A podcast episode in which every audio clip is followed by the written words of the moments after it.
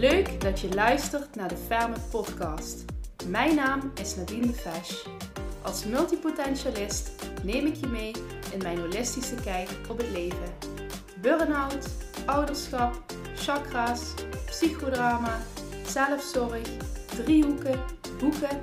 Er komt van alles voorbij om je leven te verrijken. Nieuwe aflevering in 3, 2, 1.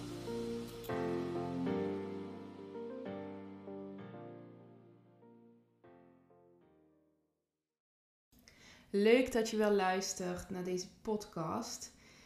Ja, ik had dus twee podcasts opgenomen en door mijn eigen technische ja, gepruts eh, zijn die verloren gegaan. Ik had ook even hulp moeten vragen, maar um, goed. Het waren podcasts die gingen over uh, verschillende onderwerpen en misschien is het ook wel, uh, heeft het zo moeten zijn. Dus ik heb het even een weekje laten rusten en ik begin nu weer vol uh, nieuwe energie aan deze podcast. En deze podcast, um, die is eigenlijk, die speelt al een tijdje door mijn hoofd dat ik hier een podcast over wil opnemen. Want het onderwerp komt steeds weer langs in uh, de coachings die ik heb met mensen. Maar ook, uh, ik zie het ook voorbij komen op, um, op social media het spelen met macht en onmacht in communicatie. Nou, als mensen met elkaar communiceren, dan raken ze vaak verstrikt in een eh, driehoekspatroon. En eh, de communicatiedriehoek ook wel genoemd, of Karpman noemt het de drama-driehoek. Het is eigenlijk een, eh, een spel, en dan spel in de negatieve zin van het woord, waarin twee personen steeds wisselen tussen drie posities of rollen. En eh, er is dan een situatie. En de twee spelers die gaan daar op een voorspelbare manier mee om. Dus als je het gesprek observeert, dan zie je meteen, ja, ze zitten verstrikt, gevangen in de drama-driehoek. Nou, wat is nou de drama-driehoek? De drama-driehoek bestaat uit drie rollen. De rol van de redder, de rol van het slachtoffer en de rol van de, ja, de aanklager of de vervolger, ook wel genoemd. En die posities die kunnen onderling wisselen gedurende het gesprek. Ik ga je meenemen in de rollen. De redder. Mensen zijn van nature coöperatief. Ze hebben de behoefte om elkaar te helpen en samenwerken is ook iets wat mensen graag doen. En als dit gaat op basis van gelijkwaardigheid, dan is dit natuurlijk heel fijn. Als je echter in de dramadriehoek gevangen zit, dan is er sprake van ongelijkwaardigheid.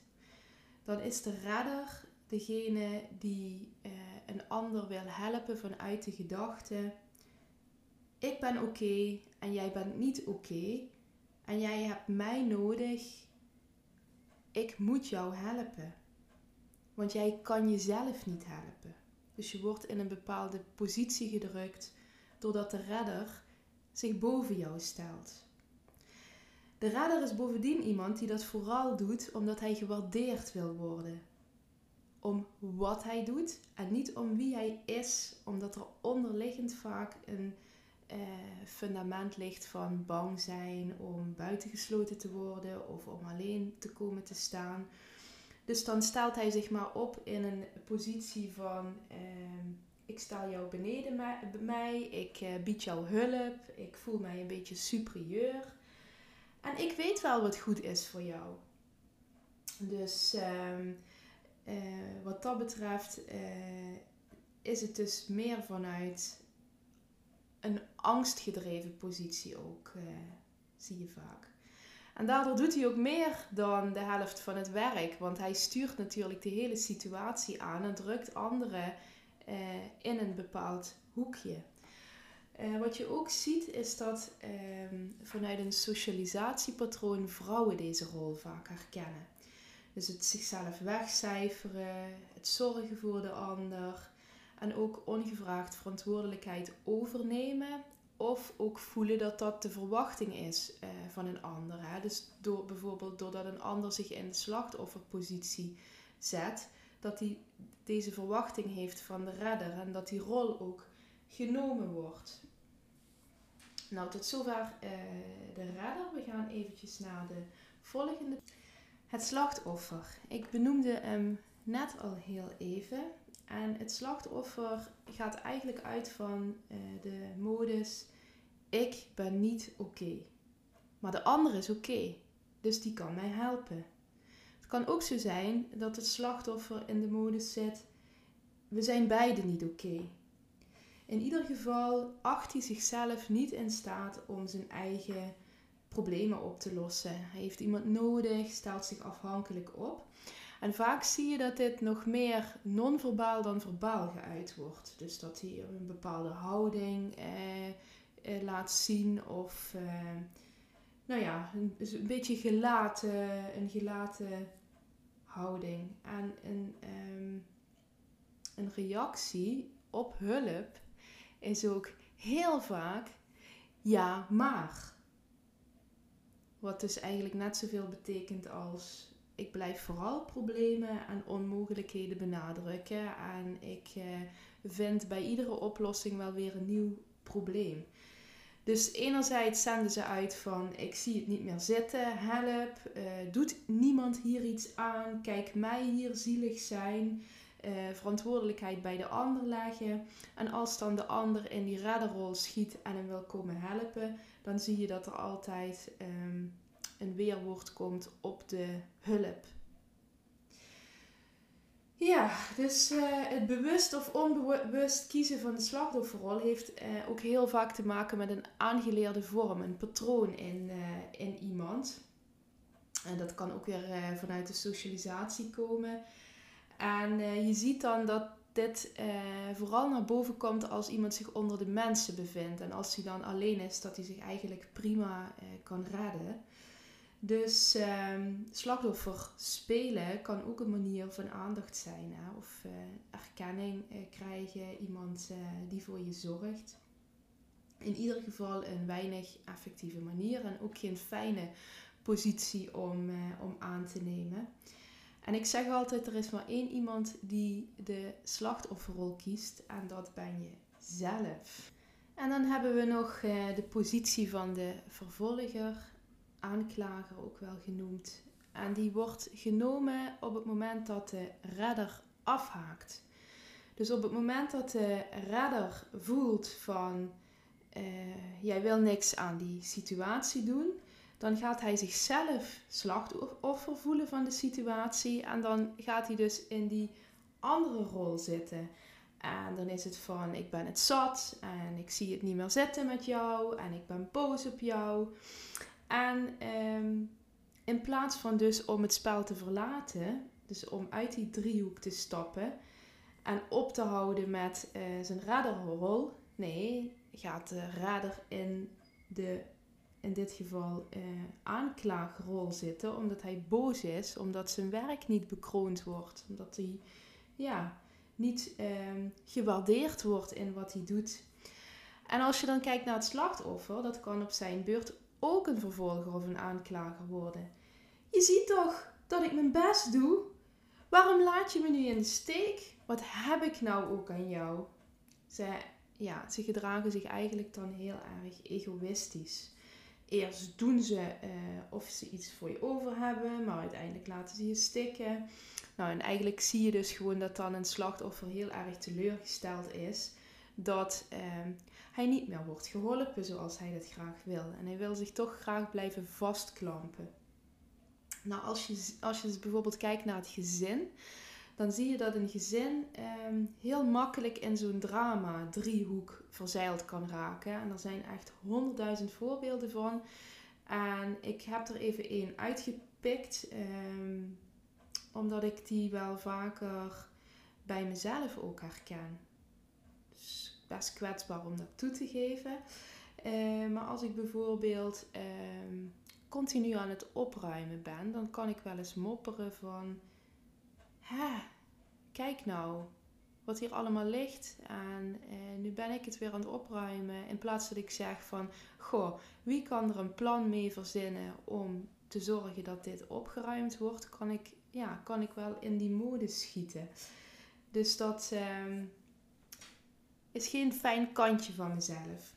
Je zou ook bijvoorbeeld kunnen, eh, het, het voorbeeld kan ik nog wat duidelijker maken als een moeder bijvoorbeeld zegt: Oh, maak je geen zorgen over mij, ik ben hier gewoon maar de huishoudster. En eh, ze wil haar gezin heel graag verzorgen. Hè? Ze neemt ook die verantwoordelijkheid op zich en ze neemt alle taken voor iedereen al uh, uit handen voordat iemand het zelf kan doen.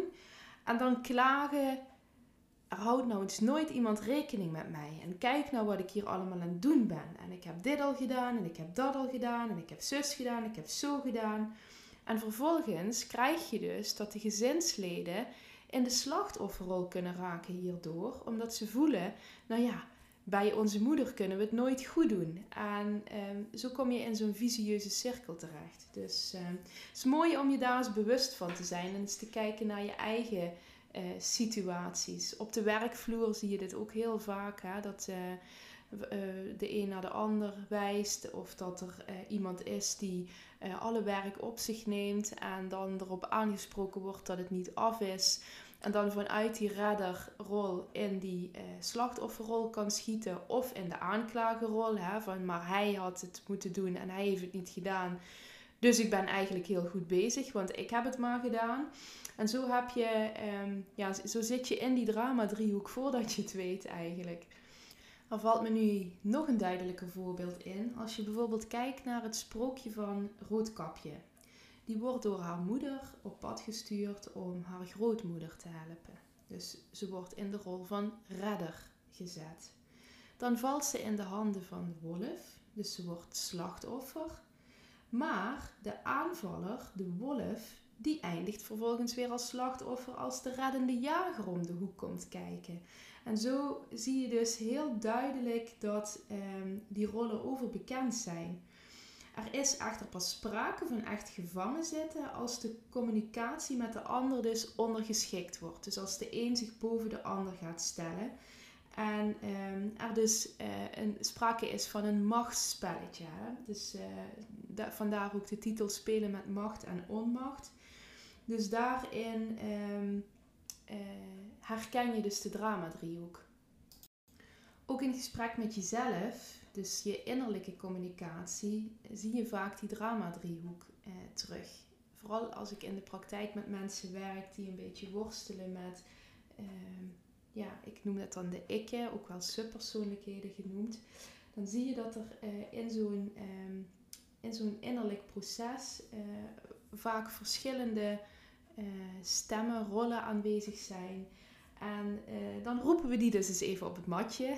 dan zetten we die eens even uit elkaar. En dan kunnen we zo eens even kijken van wat gebeurt hier dan nou eigenlijk in jou. En uh, dan kun je dus ook besluiten om uh, daar op een andere manier naar te gaan kijken en mee om te gaan. Daar is psychodrama trouwens echt bij uitstek een topmethode voor. Maar als je dus in de communicatie met de buitenwereld vastloopt, dan helpt het om je ten alle tijde te beseffen dat een gesprek op basis van gelijkwaardigheid moet plaatsvinden. En zodra je dus het gevoel hebt dat dit niet zo is, dus dat het niet gaat vanuit ik ben oké en jij bent oké, dan ehm, is het dus tijd om uit die drama-driehoek te stappen en je daar heel bewust uh, van te worden. Dus weet wat je nodig hebt. Waardeer jezelf en waardeer een ander. En vraag van daaruit wat je nodig hebt. Vraag ook wat de ander nodig heeft en kom tot een gelijkwaardige middenmoot. En eh, geef wat je wil geven. Ga niet over je grenzen heen. En wanneer je grenzen worden overschreden, communiceer daar dan duidelijk over. Binnen de gelijkwaardige grenzen. En ehm, ik zou je daar nog graag wat dingen over willen meegeven. Ik heb er even een boek bij gepakt: Psychodrama en transactionele analyse van Marijke Arendse Heijn. En eh, als je uit die drama-driehoek wil blijven, dan is het goed om bij jezelf de onderliggende behoeften te herkennen. Wat heb jij nodig van de ander? Dus bedenk dat goed voordat je het gesprek ingaat. Herken je eigen spelletjes en de spelletjes van de ander. Dus word je bewust van het meegelokt worden in het spel van de drama-driehoek. En als je nou merkt dat je uitgelokt wordt door een spelletje, geef dan niet het antwoord dat van je verwacht wordt. Maar kijk eens of je kunt reageren bijvoorbeeld vanuit je eh, innerlijke kind. Dus, dus geef eens een reactie die iets heel anders oproept bij de ander. Wees je ook bewust van het verschil tussen redden en helpen. Want helpen is ik ben oké en jij bent oké en ik zie dat je nu een handje hulp nodig hebt. En redden is ik ben oké en jij bent niet oké en ik ga het wel even voor je oplossen. Roddel niet. Hè? Spreek niet met andere mensen over andere mensen, maar spreek gewoon de betrokkenen persoon direct aan. Dan ontstaat er ook geen spel. En zeg steeds rechtstreeks als je vindt dat iemand te dicht bij je komt, voor jouw gevoel. Hou je eigen grenzen in de gaten. Begin te zien dat plezier hebben in je leven iets is waar je voor kiest. Dus als jij herkent dat je vaak in deze drama-driehoek terechtkomt en je geeft daar anderen de schuld van, probeer die dan bij jezelf terug te leggen en te onderzoeken hoe je daar dan uit kan komen. Vraag op een directe manier wat je wil en wat je nodig hebt. Dus niet alleen naar de buitenwereld toe, maar ook richting jezelf. Als jij bijvoorbeeld last hebt van een innerlijke criticus die continu jou in een bepaalde slachtofferrol stopt, dan is het tijd om eens met die innerlijke criticus in gesprek te gaan. En geef altijd ik-boodschappen. Op het moment dat je gaat wijzen in de jij-vorm, dan eh, ontstaat er een heel vervelend gesprek en dan is de kans heel groot dat je in die drama-driehoek belandt. Even samenvattend over de drama-driehoek.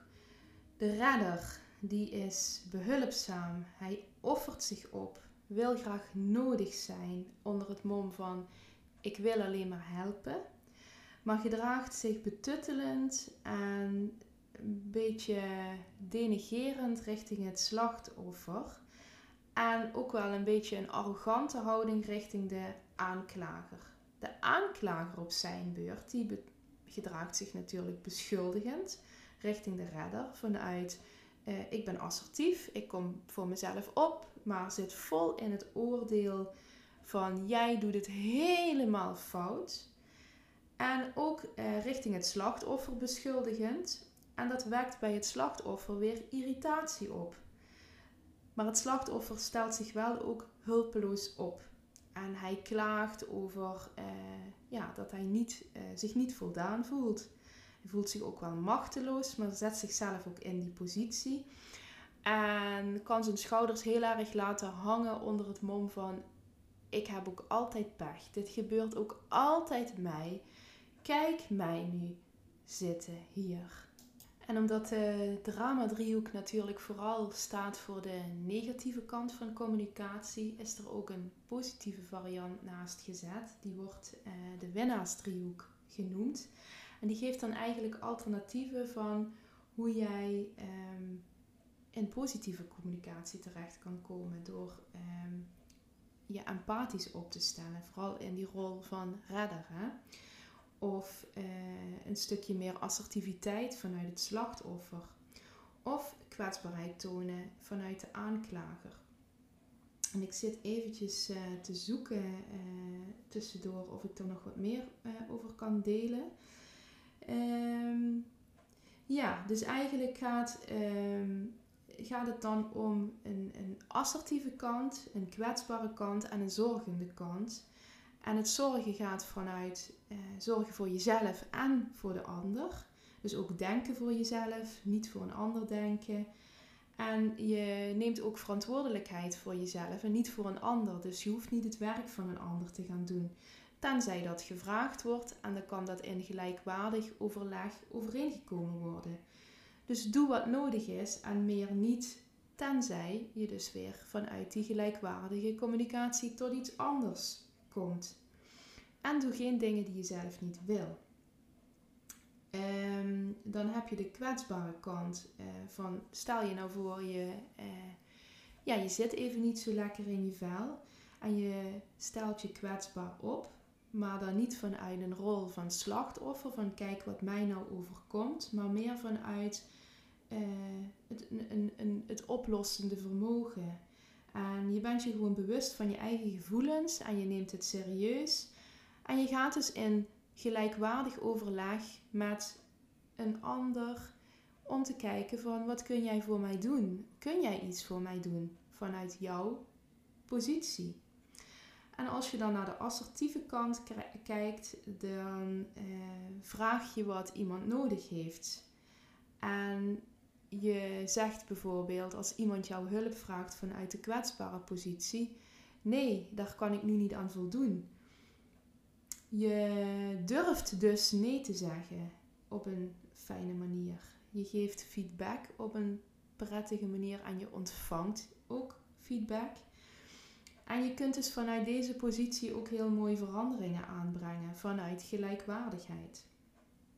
Dus eh, je zegt wat je denkt, vindt en voelt, zonder daarbij iemand te kwetsen. Dus je houdt je eigenlijk vrij van oordeel. En dat is denk ik ook de hoofdmodus van deze driehoek, dat er geen oordeel meer is. En de drama driehoek die zit natuurlijk vol met oordeel. Nou, ik eh, hoop dat je wat meer duidelijkheid hebt gekregen over hoe die drama-driehoek werkt en hoe je dus in zo'n macht- en onmachtspel van communicatie terecht kunt komen. Mocht je eh, iets getriggerd voelen bij jezelf en denken van, nou, Nadine, vertel me daar nog eens wat meer over. Je mag altijd contact opnemen. Ik zou het leuk vinden als je mijn podcast uh, liked, als je, als je me graag luistert. En dan zou ik zeggen, tot de volgende.